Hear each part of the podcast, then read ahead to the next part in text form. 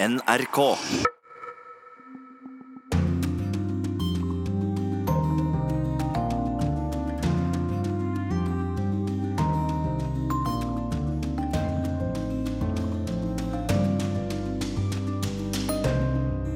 Boris Johnson recht herzlich zu gratulieren zu seinem überragenden Wahlsieg. Je veux d'abord ici féliciter Boris Johnson pour sa très nette victoire électorale.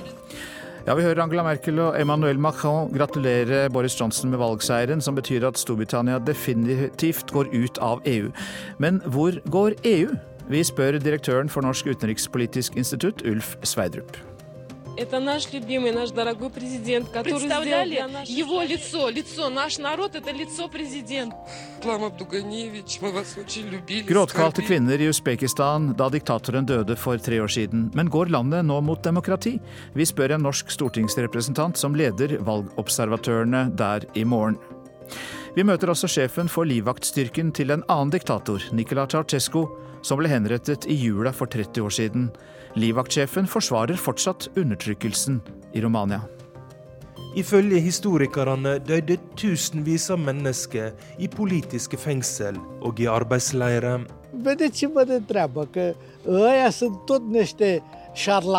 Du bør passe dine egne saker. Det er sjarlataner som har dikta opp disse historiene.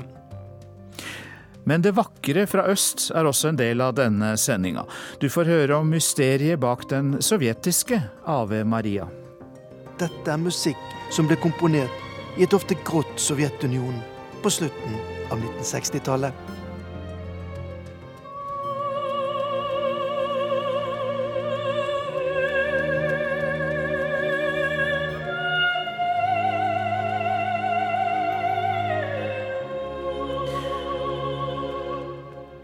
Og korrespondentbrevet kommer også østfra. Om gaver, fest og mat under den russiske nyttårsfeiringen. Festbordet dekkes med den helt uunnværlige, helst hjemmelagde salaten olivier. Den består bl.a. av kokte poteter og gulrøtter, sure agurker, løk, grønne erter, skinke og russisk majones som heter provence. Her i studio i dag, Øystein Heggen. Men eh, aller først om USAs straffetiltak som kan ramme gassrørledningen som bygges på havbunnen under Østersjøen mellom Russland og Tyskland. President Donald Trump har lenge truet med dette, og i natt norsk tid undertegnet han vedtaket fra Kongressen om sanksjoner mot selskaper som utfører arbeid på den undersjøiske ledningen. Germany is totally controlled by Russia because they were getting from 60 to 70 percent of their energy from Russia and a new pipeline. Russiske gassrør vil gjøre Tyskland energiavhengig av Russland, sa Trump her i et opptak fra i sommer. Så har altså vedtaket i den amerikanske kongressen til slutt kommet, og Trump har skrevet under. Et sveitsisk-nederlandsk selskap, All Seas, har allerede stoppet arbeidet på sitt rørledningsfartøy i Østersjøen. Direktør for Norsk utenrikspolitisk institutt, Ulf Sverdrup, velkommen hit. Takk. Vi skal snakke om EUs framtid med deg, som vi har nevnt, men først til eh, Nord Stream. Hvilken virkning vil straffetiltak fra USA ha på byggingen av den rørledningen? Ja, det er litt eh, vanskelig å si. Eh, er, selve konstruksjonen er jo kommet ganske langt. Så ca. to tredjedeler er ferdig. Så jeg forsto at russiske selskap er på utkikk etter å finne andre som kan gjøre jobben. Hvilke følger kan det få for relasjonene mellom USA og Tyskland, da, hvis, eh, som man kanskje tror, rørledningen blir ferdig, men relasjonene fortsatt eh, er rammet? Altså, det er en, ve veldig vanskelig sak, delikat sak egentlig, at USA ilegger sanksjoner mot uh, et, uh, en alliert og foretak som jobber med å sikre energien i og for seg til allierte. Og det er jo ikke bare til Tyskland, for EU har jo også i og for seg godkjent dette prosjektet. Skal vi si litt om bakgrunnen her, så er det sånn at Tyskland holder på å fase ut både kull og atomkraft. I tillegg er hjemlig produksjon av gass i Tyskland faller. Så Tyskland har behov for mer gass. Så de kommer til å måtte importere gass. De kan ikke importere så mye mer gass fra eh, Norge eller fra Algerie. Eh, amerikansk gass vil sannsynligvis være for dyr i forhold til LNG. Derfor kommer de ønsker foretakene i Tyskland å importere mer russisk gass. Det er bakgrunnen her. Og så er frykten at man blir mer avhengig av russisk gass, og at russerne ikke trenger å kjøre gassen via Ukraina Men eh, Tyskland har gjort et par ting for å gjøre det mindre problematisk. Nemlig at det er mulig å kjøre gass gjennom dette systemet tilbake til Ukraina. Og man presser russerne til å følge mer europeisk lovgivning. Men eh, det er en veldig vanskelig sak.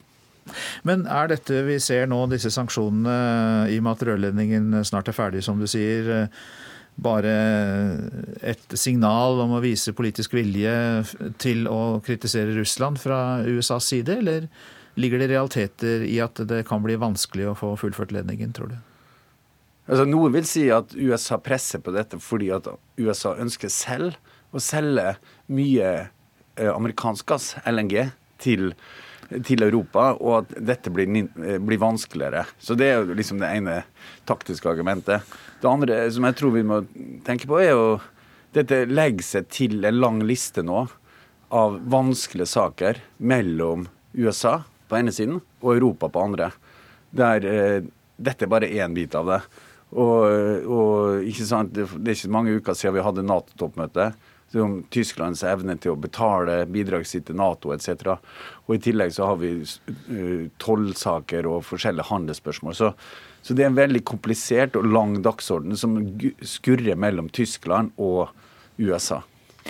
Du blir med oss eh, videre, for vi skal nemlig snakke om EU etter at eh, brexit definitivt skjer. Vi har jo rettet blikket veldig mye mot Storbritannia det siste året, og vel så det, med krangel og usikkerhet om brexit. Men Boris Johnsons solide valgseier i forrige uke er jo da gir jo da helt klart uh, åpning for britenes farvel til EU den 31. januar neste år. Slik dronning Elisabeth også sa da hun leste regjeringens trontale på torsdag.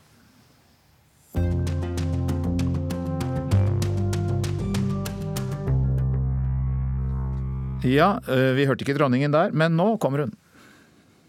My government's priority is to deliver the United Kingdom's departure from the European Union on the 31st of January. My ministers will bring forward legislation to ensure the United Kingdom's exit on that date. Og endelig er det blitt klarhet, sa Frankrikes president Emmanuel Macron etter valget av Boris Johnson. Og han ble gratulert med valgseieren både fra Macron og Tysklands forbundskansler Angela Merkel. Deshalb möchte ich die Gelegenheit nutzen, Boris Johnson recht herzlich zu gratulieren zu seinem überragenden Wahlsieg. Je veux d'abord ici féliciter Boris Johnson pour sa très nette victoire électorale. Le temps de la clarté est donc venu. Men EU-kommisjonens eh, nye leder, Ursula von der Leyen, la ikke fingrene mellom da hun sa farvel til de britiske folkevalgte i EU-parlamentet. Hun takket hjertelig av EU-tilhengerne, remainers, og kalte dem modige men hun kom med beiske stikk til brexit-tilhengerne for deres rop og skrik, som ikke vil bli savnet. I look at our very brave Remain MEPs. I can only say I'm sorry. We will miss you. We will miss you. Thank you for your courage. Thank you for having been at our side. We'll never miss those who scream and yell. And now, now thanks God, without you, We are constructing our future partnership to the UK. Ja, takk og pris. Nå skal vi skape det nye partnerskapet med Storbritannia, sa altså EU-kommisjonens leder. Og Europakorrespondent Philip Lote, du er med oss. Og hva blir da dette neste skritt i partnerskapet? Det ble et mye vanskeligere skritt, fordi at uh, selve utmeldelsen av EU var en enorm øvelse i seg selv. Det er første gang EU skal eh, sørge for at uh, et stort medlem blir meldt ut på en ryddig måte, som det Storbritannia nå vil bli den 31.1. Men den andre delen handler jo om hvor man sektorvis, industri for industri, område for område, skal forhandle om det fremtidige holdet, samholdet. Så det sterke samholdet mellom de 27 medlemslandene som har vært i utmeldelse utmeldelsesprosessen. Det vil bli testet ganske kraftig når man begynner å snakke om særinteresser, pengeinteresser, industri, eh, og hvor de forskjellige landene kanskje ikke eh, ser seg tjent med å stå like samlet. Og så fikk jeg lyst til å forenkle det veldig. Kan vi stille dette spørsmålet? Hvilke land mister en alliert når Storbritannia går ut, og hvem mister en motstander? Kommer litt an på områdene. Forholdet Frankrike-Storbritannia er komplisert, men de har ofte vært venner i en del spørsmål. Det er klart at uh, når det gjelder tettere politisk integrering, når det gjelder et EU som på mange måter blir mer føderalt, altså mer som en superstat, så vil Frankrike miste en uh, motstander. Uh, mens andre land som har vært mer skeptiske, som Nederland, Sverige, til en viss grad Tyskland, de vil miste noen som var med på å bremse dette her, og de må gjøre den jobben uh, på egen hånd. Europakorrespondent Philip Lote og Ulf Sveidrup, direktør ved Norsk utenrikspolitisk institutt, er fortsatt med oss. Ja, hvordan vurderer du da EU etter at Storbritannia er ute? Blir det klart endrede maktforhold innad? Først har jeg lyst til å si at, eh, at brexit går ut er jo tap og nederlag for eh, stort nederlag for EU og for Storbritannia i og for seg. Det er negativt for økonomien, for europeisk sikkerhet, for europeisk eh, universitet og kunnskapsproduksjon. Og det er negativt også for selve ideen om europeisk samling. Så, så det er ikke helt riktig, tror jeg, å si hvem er som vinner, men det er egentlig hvem er som taper mest og taper minst i en situasjon der alle taper. Så, så det jeg tror jeg er litt viktig å si første omgang. Det andre er jo at det er jo ikke sånn at usikkerheten forsvinner ved dette. Brexit har først og fremst så langt vært fire år med usikkerhet. Og den usikkerheten har en kostnad for den enkelte person, og hvordan de skal disponere sine liv, men også for foretak og for politikere. Hva gjør man nå? Det, det, derfor så tror jeg EU i disse dager var litt tilfreds med at Boris Johnson ble valgt. Det tok bort noe usikkerhet. Nå slutter Storbritannia å være medlem i slutten av januar neste år. Men så kommer de til å sikte mot Da er vi over i neste fase. Hva er så veien videre? Ja, jeg tenker, det er to viktige spørsmål. Det ene er hvordan skal EU 27 lage sin dagsorden og sitt prosjekt videre for å berge det? Og det andre er hvordan skal de forholde seg til Storbritannia? Og begge to er veldig vanskelig. Vi, skal høre et utdrag fra Frankrikes president Emmanuel Macron her. fordi eh, På det siste EU-toppmøtet så sa han at han tror på styrken til det europeiske kontinentet. Ja, For så vidt ikke så overraskende at han tror på det, men han tror på en kombinasjon av denne styrken og et attraktivt politisk prosjekt, som han kaller det. Kanskje til og med at det britiske folk vil ombestemme seg og komme tilbake til EU. Vi kan høre hva Macron sier her. Je crois à la force de ce continent, et je crois à la force au sein de ce continent de l'Union européenne. Et vous savez, on verra ce que dans quelques années les choses donneront. Si nous savons retrouver cette force, un projet politique attractif, qui dit ce que feront alors les Britanniques? Ja, Ulf Sverdrup, eh, hva tror du om den muligheten? En reversering av brexit? Det er vel mange år fram til i så fall? Ja, jeg tror ikke det er det som er for eh, Da må i så fall det komme pga. attraktiviteten til det. Men, men, jeg tror det Macron er inne på, er å se hvordan kan man bruke brexit som en katalysator for å sette i gang en nytt type prosjekt. Herunder på en måte koble seg til en, og lage et EU som svarer til samtidens nye utfordringer. Uh, og det handler også om å justere litt av det prosjektet som er. Og sant, Nå har vi akkurat for bare noen uker siden fått en ny kommisjon.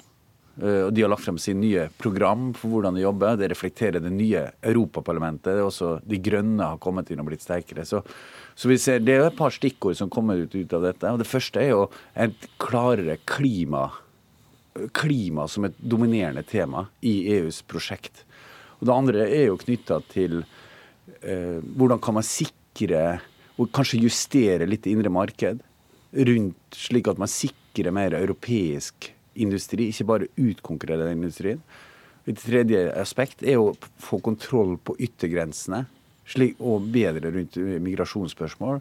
Og du kan si et fjerde viktig tema er å gjøre EU til en mer global aktør, som også kan være med å regulere global industri. Uh, det, det, siste tror jeg er veldig viktig, eh, og, og, det blir et spennende prosjekt. Og der kan du si at I Europa i dag så er diskusjonen liksom, skal Europa være bare en, en arena der stormaktene skal spille seg ut. Eller skal Europa selv kunne bli en aktør? Så alle disse tingene er det som er Spørsmålet er da klarer Europa å mobilisere denne type dagsorden og entusiasme og uh, fatte kloke beslutninger som går i den retning, eller ikke. Men har da nasjonalstatentusiastene fått en haug med argumenter nå når Storbritannia går ut, og de sier at ja, se der, dette med mer integrering, at vi blir likere og likere i unionen, det legger vi til side. Nå, nå må vi fortsatt satse på nasjonalstatene, at vi er en union av nasjonalstater, først og fremst. Ja, jeg oppfatter ikke at det temaet Jeg hørte også Philip Loted sa det, at dette kommer til å drive EU i en mer føderal retning. Uh, nei, jeg oppfatter ikke at det som er temaet. Det som er spørsmålet, er jo hvordan statene sammen kan koordinere og jobbe sammen. Mer enn at uh, å skyve makt opp til et slags europeisk nivå for å bygge en slags europeisk superstat. Det er ikke det som er prosjektet. Det handler mer om å ok, hvordan kan man samarbeide innenfor noen nye områder. Alle statene vet at det er ikke mulig å endre EUs traktater i dag som gjør at du kan f.eks. få til kvalifiserte flertallsbeslutninger i utenrikspolitikk. Så Derfor er ikke det et aktuelt tema. Men spørsmål, ok, hvordan kan man bli enige om å gjøre reformer til euro? Hvordan kan man bli en tydeligere utenrikspolitisk aktør? Hva kan man gjøre på klimapolitikk felles innenfor de rammene som gjelder der? Så så det er ikke noe tvil om at det nasjonalstatlige kommer til å stå der og være veldig sterkt. Angela Merkel hun understreket ved flere anledninger på det siste toppmøtet at hun ønsket et godt samarbeid med Storbritannia, selvfølgelig. Det har hun gjort mange ganger. Men hun advarer også, da. Hun sier at nå får vi en konkurrent på dørterskelen. Wir werden jetzt äh, mit Großbritannien einen Wettbewerber vor unserer Haustür haben, der eben nicht mehr integriert ist in den Binnenmarkt und äh, der natürlich sich überlegen wird, äh, inwieweit er seine Standardisierung verändert. Das ja, hva tror du om Storbritannias rolle som utenforland? Ja, altså dette, nå peker jo Merkel her på det sentrale spørsmålet. Hvilken type kurs velger Storbritannia? De har egentlig to to røffe valg. da. Det ene er å si at de går ut av EU. Og så gjør de sånn som Norge. Så blir de i og for seg ganske like og ganske harmonisert. Det andre er å si at uh, de går ut, og at de begynner å avvike på reguleringene. Avvike på sosiale standarder, kanskje på miljøstandarder, skattespørsmål etc. Og derfor er det en slags regulatorisk konkurranse med EU. Eh, det er det som enkelte kaller 'Singapore on the Thames'. Eh, og da, da, vil EU si, eh, Merkel vil si det, og mange andre vil si det Hvis britene velger den, den plattformen, så kan de ikke få frihandel. For det blir for tøff konkurranse. Regulatorisk konkurranse. Så, så, så da, og det blir for altfor krevende. Så hvis britene velger å avvike, ja, da kan de ikke ha frihandel. Hva tror du? Jeg tror at det blir en slags hybridløsning. Men eh, altså, jeg tror det er veldig vanskelig. Jeg tror, det, jeg tror Storbritannia kommer til å gå ut av EU. Det har jeg alltid trodd. Men jeg tror at de ikke kommer til å forsvinne fra europeisk integrasjon og europeisk samarbeid. Så de kommer til å gjøre noen formelle grep der de trekker seg ut, men at de kommer til å ende opp i stor grad på en slags uh, regulatorisk plattform. Boris Johnson kommer til å si at uh, vi ikke gjør det, uh, men jeg tror han i realiteten kommer til å ende der. Ja, for han spiller jo opp til de kreftene i det konservative partiet som er veldig opptatt av den ja, angloamerikanske og engelsktalende delen av verden som de nå skal handle med, og som de skal bli, eh, tettere, bli tettere, samarbeid med. Eh, tror du det vil skje, eller tror du at, uh, at tyngdepunktet EU er så sterkt at det vil uansett trekkes mot EU-samarbeidet først og fremst? jeg tror de kommer til å prøve å balansere det transatlantiske og det europeiske i det videre. Men sant, i 2020 så er det mange ting som kommer til å skje. USA skal ha sitt presidentvalg. Eh, så vi får se eh, hvilken retning det amerikanske er også. Det er ikke noe tvil om at det er ekstra krevende for EU. Ikke bare at brexit skjer, men også at USA, som har vært en veldig viktig historisk sett, beskytter og støttespiller til europeisk integrasjon. At vi nå i USA har en president som ikke bare ikke bryr seg så mye om å beskytte europeisk integrasjon, men faktisk ganske aktivt motarbeider europeisk integrasjon. Så det gjør det ekstra krevende. Uh, og så var det et innledningsspørsmål jeg hadde her eh, som du unnvek litt ved å si at eh, alle taper på dette her. Men likevel så er jeg litt nysgjerrig på hvilke land er det eventuelt da som taper på at Storbritannia går ut? Hvem, hvem har vært Storbritannias nærmeste allierte i EU, som da mister et stort land som, ja, som har vært enig med dem i mangt og meget? Ja, altså Jeg kan svare også på det første spørsmålet. Eh, de store landene i EU vinner mest på dette, hvis du ser på votering, stemmerett. Tyskland og i og for seg Polen de øker sin relative innflytelse. Mm. Og så er hvem som taper på det. de aller minste landene får ikke noe økning i sin eh, stemmemakt. I tillegg så er det en del land som har dels vært enig med Storbritannia, og dels gjemt seg bak Storbritannia. Eh, fordi at det har vært behagelig at Storbritannia har konfrontert ting. Og det er i noe grad de landene som er rundt Norge. Det er de nordiske land, Nederland, i noen grad. Og ikke minst noen østeuropeiske land. Så kanskje Norden må bli høyere og mørkere i EU etter hvert, da? Ja, det, jeg vil si at det som er nå, er at hvis Tyskland og Frankrike blir enige om ting, så er det vanskelig for andre å blok blokkere det. Men hvis Tyskland kommer sammen med de nordiske, og uh, i og for seg Nederland, Irland og andre, så er det veldig stor mulighet for at de kan få en innflytelse. Tyngdepunktet i Europa flytter seg litt sørover og litt østover. Det er litt uheldig for Norge og de nordiske land. Så det er en, egentlig en veldig interessant mulighet nå for å komme inn og prøve å Altså for de nordiske land til å prøve å påvirke dagsordenen og, og, prøve, og prøve å påvirke det i en slags konstruktiv retning. Vi endte opp med en oppfordring til Norden. Det er ikke verst. Eh, Ulf Sverdrup, hjertelig takk for at du eh, innledet jula her i Urix på lørdag. Takk for det. Og god jul. Takk.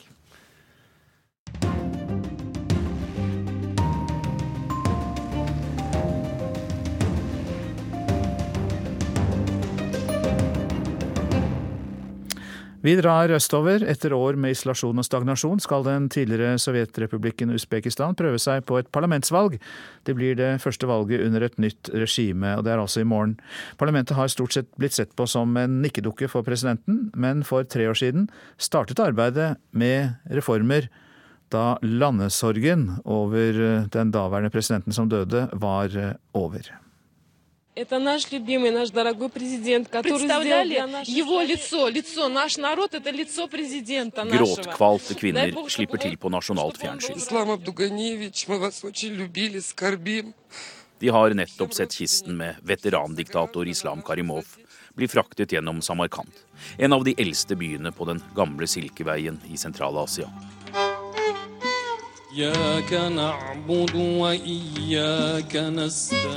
Hele landet måtte følge begravelsen til president Islam Karimov for eh, tre år siden. Mannen som med jernhånd hadde styrt Usbekistan i 27 år, og sørget for å gjøre landet mest kjent for systematiske menneskerettsbrudd og undertrykking. Nå er eh, Usbekistan tilbake i søkelyset, fordi han som tok over etter Karimov, har det siste året fjernet murstein og tatt ned mange av barrierene som forgjengeren satte opp. Det britiske tidsskriftet Economist kåret denne uka Usbekistan til årets land. En omtale som gis nasjoner som med raske skritt går fra bunn, med fattigdom, dårlig styresett eller usikkerhet, til mer lovende utsikter med nyvunnen fred eller overraskende forbedringer. Myanmar fikk f.eks. prisen for fire år siden. When they ask me who's the president of Ubeki Beki Beki Beki Stan, Stan, I'm going to say, you know, I don't know. Do you know? En amerikansk presidentkandidat for noen år siden, Herman Kane, var stolt av ikke å kunne navnet verken på lederen eller landet, som USA brukte som bro inn i Afghanistan. Becky, Becky, Becky, stand, stand. Nå kan Usbekistan derimot være på vei ut av isolasjon og inn som en regional aktør. Usbekistans president Sjavkat Mirziyoyev krediteres for å ha stengt beryktede fengsler, satt flere politiske fanger fri, fjernet den mangeårige sjefen for sikkerhetstjenesten og gjort slutt på tvangsarbeid i bomullsåkrene. Utlendinger er invitert inn som turister, og for å fikse den skakkjørte økonomien. Grensepasseringer til gamle, erklærte fiender åpnes sakte, men sikkert, og nå skal et nytt parlament velges under slagordet Nytt Usbekistan, nye valg. Men eh, helt gjennomsiktig og nytt blir det nok likevel ikke. De fem partiene som får lov til å stille, er alle regimetro, og presidenten utfordres ikke. Men eh, endringene i Usbekistan er såpass betydelige at Organisasjonen for samarbeid og sikkerhet i Europa, OSSE, sender valgobservatører til det sentralasiatiske landet for første gang. Det var Anders Tvegård som eh, orienterte oss der. Og for eh, å overvåke parlamentsvalget i Usbekistan i morgen skal for første gang en gruppe parlamentarikere delta som observatører.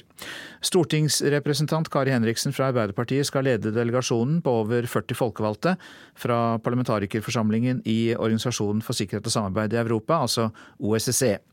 Og Vi snakket med Henriksen litt tidligere på morgenen i dag og spurte hvorfor reformene kommer i Usbekistan nå. Hva som har gjort den endringen eh, hos president Murjojev, det er litt vanskelig å få tak på. Men eh, realiteten er jo at han har satt i gang en del systematiske eh, og strategiske demokratiske prosesser i landet som gjør at vi nå møter en veldig entusiasme blant eh, både sivilsamfunnet som vi har møtt, eh, politiske partier, eh, observatører, som er imponert over det arbeidet som faktisk er gjort for å trekke landet i en mer demokratisk retning. Det første presidenten gjorde, var jo å sørge for å bygge et veldig godt naboskap med de omliggende land. Det har vært mange konflikter her i denne regionen. Usbekistan har vært veldig lukka og, ikke tatt initiativ til noe særlig, men nå har den nye presidenten da eh, tatt initiativ til å få løst opp i disse konfliktene, og det har han i stor grad lykkes med. Og så tror jeg det andre han har gjort som, han, eh, som har vært um, veldig nyttig for en demokratisk prosess, det er det at han har henta råd og lytta til utenlandske og internasjonale aktører. Hva skal dere gjøre for å påse at valget går ordentlig for seg? Nei, Nå skal vi uh, være til stede i valglokalene. Uh, vi har tilgang til å observere alle sider ved valget. Uh, og så skal vi avgi rapport da til, til OSSE. Som, og disse rapportene og disse tilbakemeldingene som, som, vi da får, de blir analysert og satt sammen fra hele landet. Vi har observatører spredt over hele landet. Og så vil vi da gi en tilbakemelding i en rapport på hvordan vi eh, vurderer eh, at valget har vært i praksis. Du har jo nevnt dette med reformer og nytenking i Usbekistan. Eh, men nå har det jo vært flere tusen samvittighetsfanger i fengsel, blant dem journalister, aktivister og opposisjonspolitikere. Hvordan har situasjonen for dem utviklet seg ut ifra det dere vet? Det vi har fått tilbakemeldinger om, er jo at det er en god del av de fangene som er frigitt. Altså journalister og politiske fanger har blitt sluppet ut av fengsel. Det er også en del fengsler og det som tidligere ble kalt for, eh, eller oppfatta å være, og som nok også var det, tortursteder. Eh, sånn at det ser ut til at det er lempa på det, men det er fremdeles noen restriksjoner på ytringsfriheten. Det, når de får spørsmål om dette, så sier de at presidenten vil sette i gang også en revisjon av Eh, dette med pressefrihet og muligheten til å ytre seg.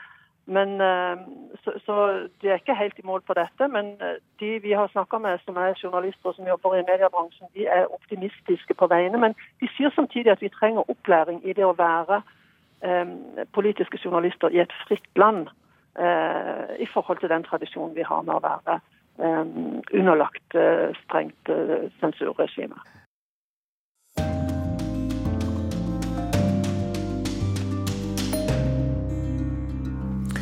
Og la oss nå her i Urix på lørdag ta en eh, pustepause. For vi skal eh, høre om et musikkverk som spilles og synges over hele verden nå i jula. Men få vet at uh, en av de mest kjente hyllestene til jomfru Maria, Ave Maria, har en veldig spesiell historie. Den så sitt lys i Brezjnevs tid i Leningrad, og det gikk mange år før den ble kjent for et større publikum utenfor Sovjetunionens grenser.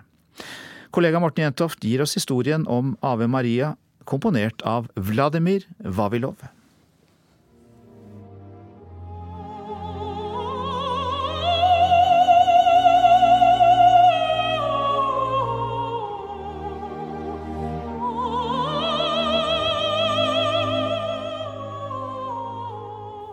Du har sikkert hørt den på radioen nå i forbindelse med julen.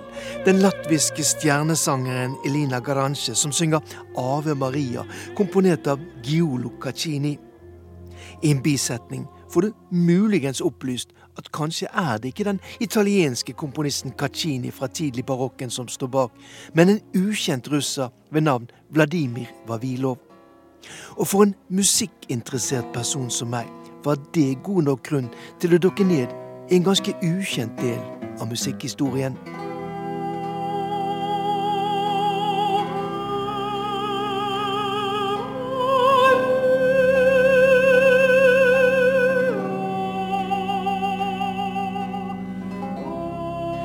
For det var faktisk slik dette musikalske eventyret begynte, med en innspilling på det legendariske sovjetiske platemerket Melodia i 1970, av musikk spilt på lutt og gitar av nettopp Vladimir Vavilov. På plateomslaget står det bare at musikken er komponert av en anonym komponist, og innspillingen den gangen vakte ikke så mye oppsikt, til tross for at den ble vakkert framført av Vladimir Vavilov selv på lutt, og med Nadezjda Weimer på sang.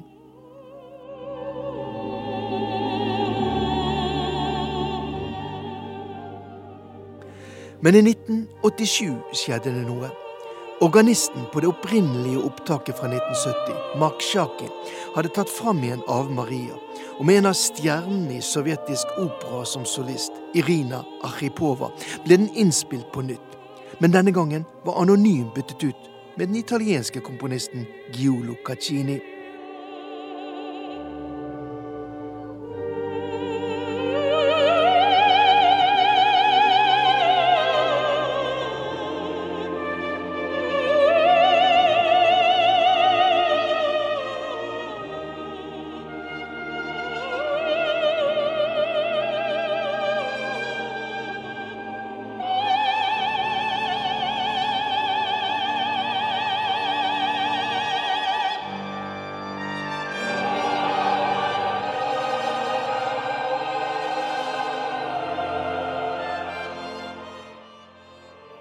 Med glasnost og perestrojka åpnet verden seg, og snart kastet alle verdens sangere seg over denne vakre og fengende melodien.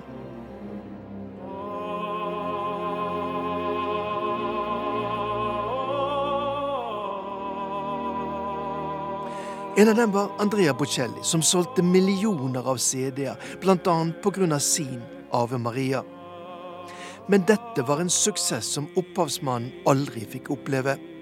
Vladimir Vavilov døde av kreft allerede i 1973, i hjembyen som den gang het Leningrad.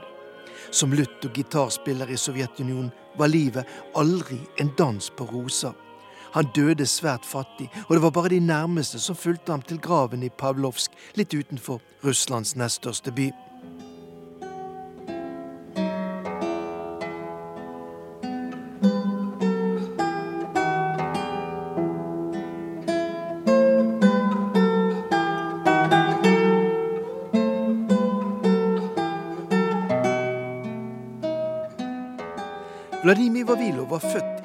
1925 og deltok som soldat under annen verdenskrig, der han ble såret, men overlevde, i motsetning til millioner av andre borgere i Sovjetunionen. Etter krigen kastet han seg over musikkstudiene og valgte gitar og ikke minst lutten som sitt instrument. Noe stort marked eller interesse for tidlig musikk var det ikke i Sovjetunionen. Vavilov og hans venner opererte i skyggen av giganter som komponisten Dmitrij Sjostakovitsj og cellisten Mitsjislav Rostropovitsj.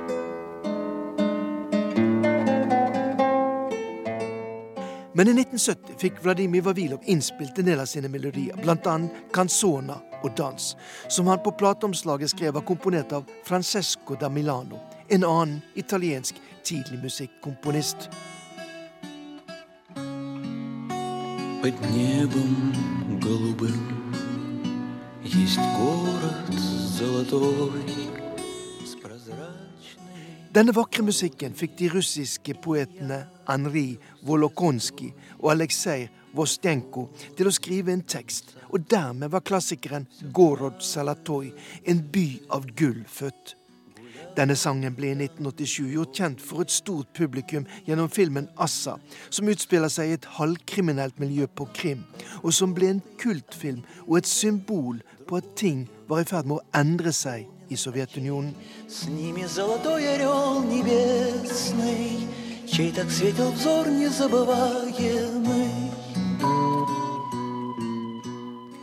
Men denne suksessen fikk altså Vladimir Vavilov aldri oppleve, og mange har spurt seg hvorfor han ikke ville utgi og publisere sine komposisjoner under eget navn.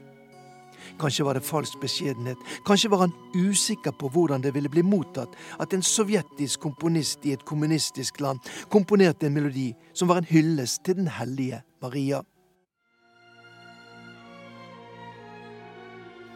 hvor mye penger Vladimir Vavilov og hans etterkommere har gått glipp av pga. at han ikke ville oppgi seg selv som komponist, vet vi ikke.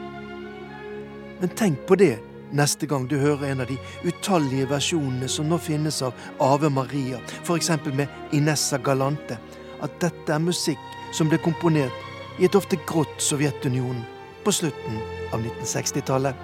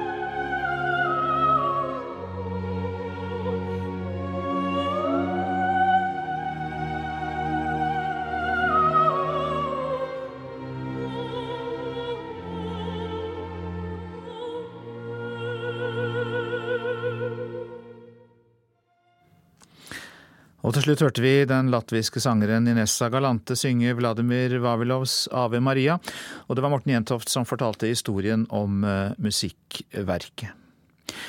Vi skal fortsette bak jernteppet, men på en helt annen måte. Denne høsten for 30 år siden falt det ene regimet etter det andre øst i Europa. Det skjedde stort sett på fredelig vis, men i Romania endte det i gatekamper, og over 1000 mennesker ble drept. Og på nettopp denne dagen, 21.12.1989, eh, skulle president Nicolai Ceaucescu holde en tale for å roe gemyttene. I stedet endte det med at han måtte flykte, og fire dager senere var han dømt til døden og henrettet. Korrespondent Roger Severin Bruland har møtt sjefen for livvaktstyrken til Ceaucescu, Dumitru Burlan, og de møttes til og med på balkongen der Ceaucescu holdt sin siste tale. Og det første spørsmålet som eh, Bruland stilte, seg, stilte til livvaktsjefen, det var dette. Hva ville kommunisten Ceaucescu ha tenkt om Romania i dag? Working with uh, Nicolae Ceaucescu for 22 years, what do you th think that he would say about Romania today if he was still alive? Cred că s-ar împușca imediat el. Han hadde skutt seg med en gang, var det kontante svaret fra Securitate-oberst Dumitru Burlan. For er du ikke klar over at politikerne har privatisert alt? Til og med vannverka har de solgt. Til og med vannet. I 22 år var han sjefen til livvaktstyrken til Nicolai Ceaucescu. Dette var et eget direktorat i det hemmelige politiet Securitate. En nådeløs og effektiv organisasjon som hadde ei oppgave å slå ned på all opposisjon. Det skal ha vært under et statsbesøk til Nord-Korea at Ceaucescu ble inspirert til å la seg dyrke som en gud. Han arrangerte storslåtte parader der folk under tvang dansa synkront medan de hylla kondikatoren, den store landsfaderen og familien hans. NRK blir med Børlan inn i hans gamle arbeidsplass, som nå huser det rumenske innenriksdepartementet. Freidig sier han til vertskapet vårt, huks, jeg brukte å være sjefen her. Bygningen har to fløyer med en balkong i midten. I den venstre fløyen regjerte kona Elena, og i den høyre Nikolai. Burlan går ut på balkongen der Nicolai hadde sin siste tale den 21.12.1989. Som vanlig var folk bussa inn med faner, og Securitate hadde forklart dem når de skulle klappe og juble. Men slik skulle det ikke bli. Folk begynte i stedet å pipe. Og en kan se på TV-bilder at Ceaucescu er fullstendig tatt på senga. Elena kommer ut og begynner kjefte på publikum. TV-produseren våkner opp og bryter direktesendinga. Men skaden har allerede skjedd. Den frykta diktatoren har vist svakhet. Allerede har det vært demonstrasjoner og gatekamper i over ei veke. Hæren hadde først prøvd å slå ned opprøret. Mange sivile ble drepne. Nå blir folka under Ceaucescu usikre. Har motstanden mot regimet vokst seg for sterk? Så gjorde Ceaucescu tabbe nummer to. Den 22. desember flykta han i helikopter fra taket av hovedkvarteret sitt medan demonstrantene tok seg inn på kontoret hans og begynte rasere inventaret. Når NRK spør Burlan hva han gjorde for å beskytte Ceaucescu denne dagen, får vi unnvikende svar. Ja, eskorteteamet drog med seg Ceaucescu-paret. Hans jobb var mer overordna. Bucătari, ospătari, picoli, assistenter medicale. Han hadde jo ansvaret for en hel stab kokker og tjenere. Vi prøver å konfrontere Burlan med fortida hans i Securitate. Han hadde begynt karrieren sin i direktoratet som drev med overvåking. Her avlytta de telefoner og rom. De hadde trolig så mange som en halv million informanter. Og dreiv ikke Securitate også med tortur og drap? Ifølge historikerne døde tusenvis av mennesker i politiske fengsel og i arbeidsleirer. Igjen får vi et kontant svar. Du bør passe dine egne saker. Det er sjarlataner som har dikta opp disse historiene. Ceaucescu var en stor patriot, og vi lever under en forbannelse i dette landet. Alle de store lederne våre har blitt drepne. Fortell Securitate-oberst Dumitru Burlan til NRK. When the, you saw the TV picture the president was executed in Targoviste, did you feel that you had failed your duties? No. No. Og du kan se en reportasje fra Romania også i Dagsrevyen på søndag. I Søndagsrevyen skal vi blant andre møte en soldat som deltok i henrettelsen av Nicola Ceaucescu og kona Elena.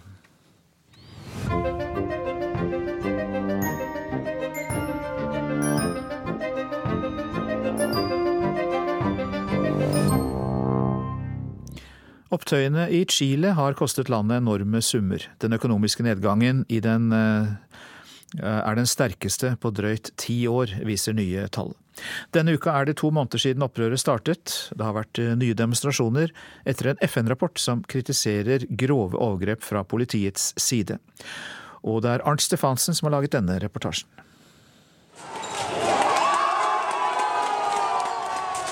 Politi og demonstranter støter sammen i sentrum av Santiago de Chile, og selv om deltakerne er blitt færre, så fortsetter protestene.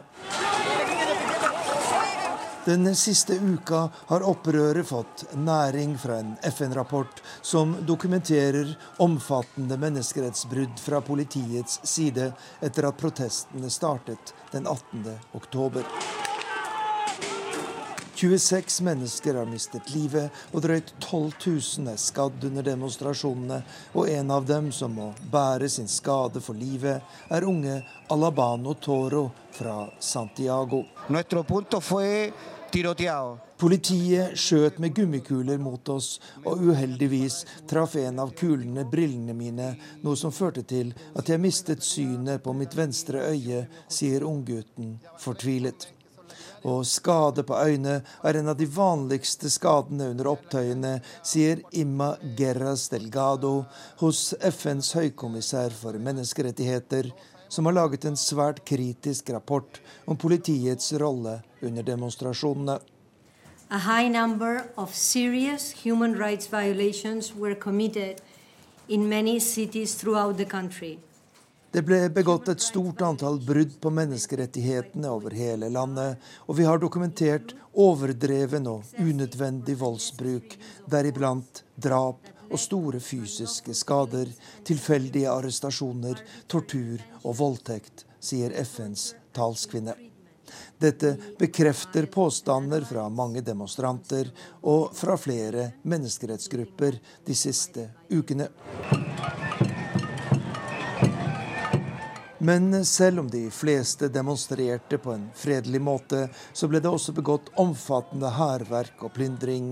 Og for Chiles økonomi har dette vært svært alvorlig, med den største nedgangen siden finanskrisa for drøyt ti år siden. Nye tall viser nå at mer enn 4000 mennesker mistet jobben de første ti dagene i desember. Es preocupante encontrar trabajo ahora. Det er vanskelig å finne arbeid nå, sier den 43 år gamle Claudia, som nettopp har mistet jobben.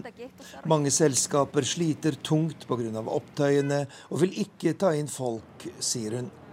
Og et av områdene som er særlig hardt rammet, er turismen, der 40% av bestillingene for neste halvår er blitt kansellert. Ekspertene advarer likevel mot overdreven pessimisme. La Chilensk økonomi har et godt grunnlag for å ta igjen det tapte, sier Osvaldo Rosales, økonomiekspert ved Chile universitet i Santiago. Men forutsetningen er at myndighetene tar tak i de store sosiale problemene her i landet. Hvis misnøyen fortsetter, er det helt uvisst hvordan dette vil ende, sier eksperten.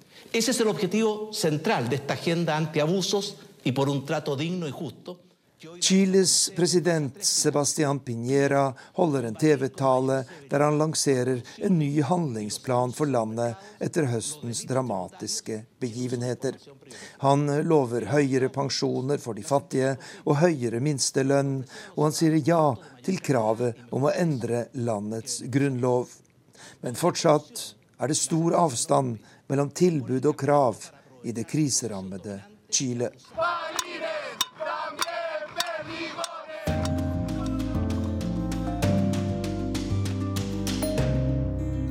Hvor går grensa mellom en julepresang og en bestikkelse? Det spør han om, vår mann i Moskva, Jan Espen Kruse, i dette korrespondentbrevet. Hvor mye skal en nordmann tilpasse seg russisk skikk når det gjelder gaver i forbindelse med festdagene i desember? Det er en litt feberhet stemning her i Moskva akkurat nå, og den har vart en stund allerede. Veldig mange mennesker er fryktelig travle og en kjempestor andel av menneskene på gata bærer på en pen presangpose av et eller annet slag. Ja, men det er jo straks jul, sier du kanskje, så det er vel helt naturlig. Men nei, det er ikke juleforberedelsene som er saken. Her i Russland har ikke jul blitt den store høytiden, selv om det har blitt litt større oppmerksomhet om julefeiring også. Nei, her i landet er det nyttår som er årets største høytid. Og veldig mye av det som russerne driver med i desember, har med nyttårsforberedelser å gjøre. Da kommunistene styrte i Sovjetunionen, ville myndighetene ha minst mulig å gjøre med den kristne julen. Derfor satset man på nyttår som den store festen. Og denne tradisjonen holder seg fortsatt, selv om religionen igjen har blitt mye mer sentral i det russiske samfunnet. Men den ortodokse kirken bruker en kalender som ligger et par uker etter den vanlige og Derfor blir den russisk-ortodokse julen markert 6. og 7. januar, og den er i stor grad en religiøs høytid. Den russiske nyttårsfeiringen har mange likhetstrekk med vår jul. De fleste har et pyntet nyttårstre, og man gir sine nærmeste nyttårsgaver. I barnehager og skoler øves det på sanger og forestillinger som skal framføres for stolte foreldre og besteforeldre. Akkurat som bedrifter og andre typer arbeidsplasser i Norge har julebord, har man i Russland nyttårsfester i løpet av desember. Men for et par uker siden spurte NRKs fotograf Jury hva slags presanger vi skulle handle inn til våre forbindelser. Jeg svarte som sant var at jeg ikke hadde tenkt å handle inn noe som helst. Da ble Jury sjokkert. Jeg fikk en skjennepreken om at jeg som har hatt et nært forhold til Russland i så mange år, burde vite bedre. Forsto jeg virkelig ikke hvorfor vi ofte får tillatelser og papirer innen rimelig tid, mens det ofte kan ta fryktelig lang tid? Og hvorfor er enkelte russiske kollegaer vennlige og gir oss tips og informasjon uten å kreve noe til gjengjeld? Riktig svar var naturligvis at vi pleier å gi en hyggelig nyttårsgave til de menneskene som vi er avhengig av for å få hjulene til å gå rundt på NRKs kontor i Moskva. Og det begynte å demre for meg at dette er en svært viktig del av russisk kultur. Det er også grunnen til at nesten ingen verdens ting ble gjort i desember i private og statlige russiske bedrifter og organisasjoner. Alle sitter i uendelige køer på veiene i Moskva. Først skal disse gavene handles inn, deretter skal de leveres til alle mottakerne. Da jeg innså at det var umulig å komme utenom dette problemet, spurte jeg jury om hva vi skal kjøpe. Han var ikke i tvil. En hel side røkt laks og en flaske vodka til mennene, og fisk og en flaske vin til kvinnene. Jeg fortalte fotografen at vi som en bedrift med sterk tilknytning til den norske stat ikke kan gi alkohol i gave, og at han fikk komme med et bedre forslag. Da så han på meg med et oppgitt blikk og mumlet at det kan være fryktelig frustrerende å slite med moralistiske nordmenn som ikke forstår sitt eget beste. Og at det kanskje ville være best å droppe hele nyttårspresangen hvis vi ikke kan gi flasker. Han understreket at de reglene som gjelder i Norge, ikke nødvendigvis gjelder over hele verden. Og at hensikten med en nyttårsgave er å gjøre mottakeren glad, ikke å fornærme vedkommende. Jeg prøvde meg med å si at vi heller kan gi konfekt enn alkohol. Svaret var at hvis vi gir sjokolade til en russisk mann, så sender vi helt feil signaler. Kort sagt, jeg fikk et problem i fanget. Én ting er hva nyttårspresangen skal inneholde, en annen hvor mange vi skal gi til. Jurys liste inneholdt tolv navn. Jeg protesterte og sa at det umulig kan være nødvendig å strø rundt seg med så masse gaver. Vi er da ingen underavdeling for julenissen, unnskyld, for fader Frost heller. Så fikk jeg en detaljert gjennomgang av hvorfor det er smart å ha hver enkelt av de tolv personene på gavelista. Og jeg må nok innrømme at det var litt vett og forstand i det han sa. Men så kommer jo spørsmålet om hvor mye penger det er riktig å bruke på en hyggelig nyttårshilsen til viktige russiske forbindelser. Når går presangen over fra å være nettopp en hyggelig hilsen til å bli en form for korrupsjon eller bestikkelse? Skal vi la norsk tankegang og pengenivå være avgjørende, eller skal vi tilpasse størrelsen på gaven til kulturen i landet den gis? NRK har gitt et håndkle med påbrodert firmalogo i julegave til sine ansatte. Men hvordan vil det eventuelt bli mottatt i et annet land? Og er det ikke sånn at de fleste mottakerne på lista vår egentlig bare utfører jobben sin? Skal de ha noe ekstra for det, da? Spørsmålene er mange, og det er vel ikke helt innlysende hva svaret bør være. I tillegg til spørsmålene om presanger til familiemedlemmer og forretningsforbindelser, er russerne svært opptatt av en debatt om en fridag til. I parlamentet blir det diskutert om nyttårsaften skal være en full fridag, ikke bare en halv. Det synes mange arbeidstakere er en god idé. Mediene intervjuer kvinner som sier at det er et slit hvert år å rekke å lage i stand et festmåltid til familien etter å ha vært en kortere eller lengre dag på jobb. Mennene sier at de trenger dagen til å gjøre de siste innkjøpene eller andre ting til den store kvelden. Arbeidsgiverne er ikke like begeistret. De viser til at etter nyttårsaften så har russerne mellom ni og tolv sammenhengende fridager. Det får jammen være nok, mener de. Og i et land som er uten sterke fagforeninger, så blir det nok slik næringslivet og politikerne på toppen bestemmer. Men nyttårsfeiring blir det uansett. Festbordet dekkes med den helt uunnværlige, helst hjemmelagde salaten olivier. Den består bl.a. av kokte poteter og gulrøtter, sure agurker, løk, grønne erter, skinke og russisk majones som heter provence. Alt kuttet i småbiter og mikset sammen. For en utlending er det godt, men ikke så godt. Men russerne bare må ha denne salaten for å komme i nyttårsstemning. Akkurat det med en fast og ubrytelig tradisjon, det kan vel vi nordmenn forstå. Ellers på bordet kan det være rød kaviar eller sort for de mer velstående. Kald fisk og oppskåret kjøtt hører også med, og når alle egentlig er mette, så kommer det en kraftig varmrett etterfulgt av kake. Og ja, russisk champagne og vodka hører med på de fleste bord denne kvelden. Men tilbake til mitt dilemma rundt nyttårsgaver til folk som vi er avhengig av for å få jobben gjort her i Russland. Fotograf Juri og jeg har ennå ikke kommet fram til et kompromiss når det gjelder hva gaveposen skal inneholde. Hans siste forslag er å ta meg med i en stor butikk for å se på hvilke alternativer som finnes, og hva andre handler inn til sine forbindelser. Jeg er litt usikker på hvor god denne ideen er, kanskje han bare vil prøve å lure meg over på sin side. Men vi har jo ennå noen dager å tenke på før en avgjørelse må tas. Én ting har jeg forstått, man tøyser ikke med nyttår her i Russland.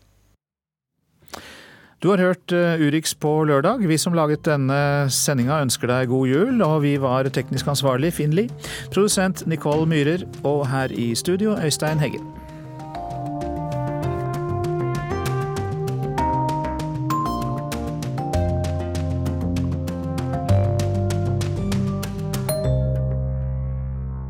NRK.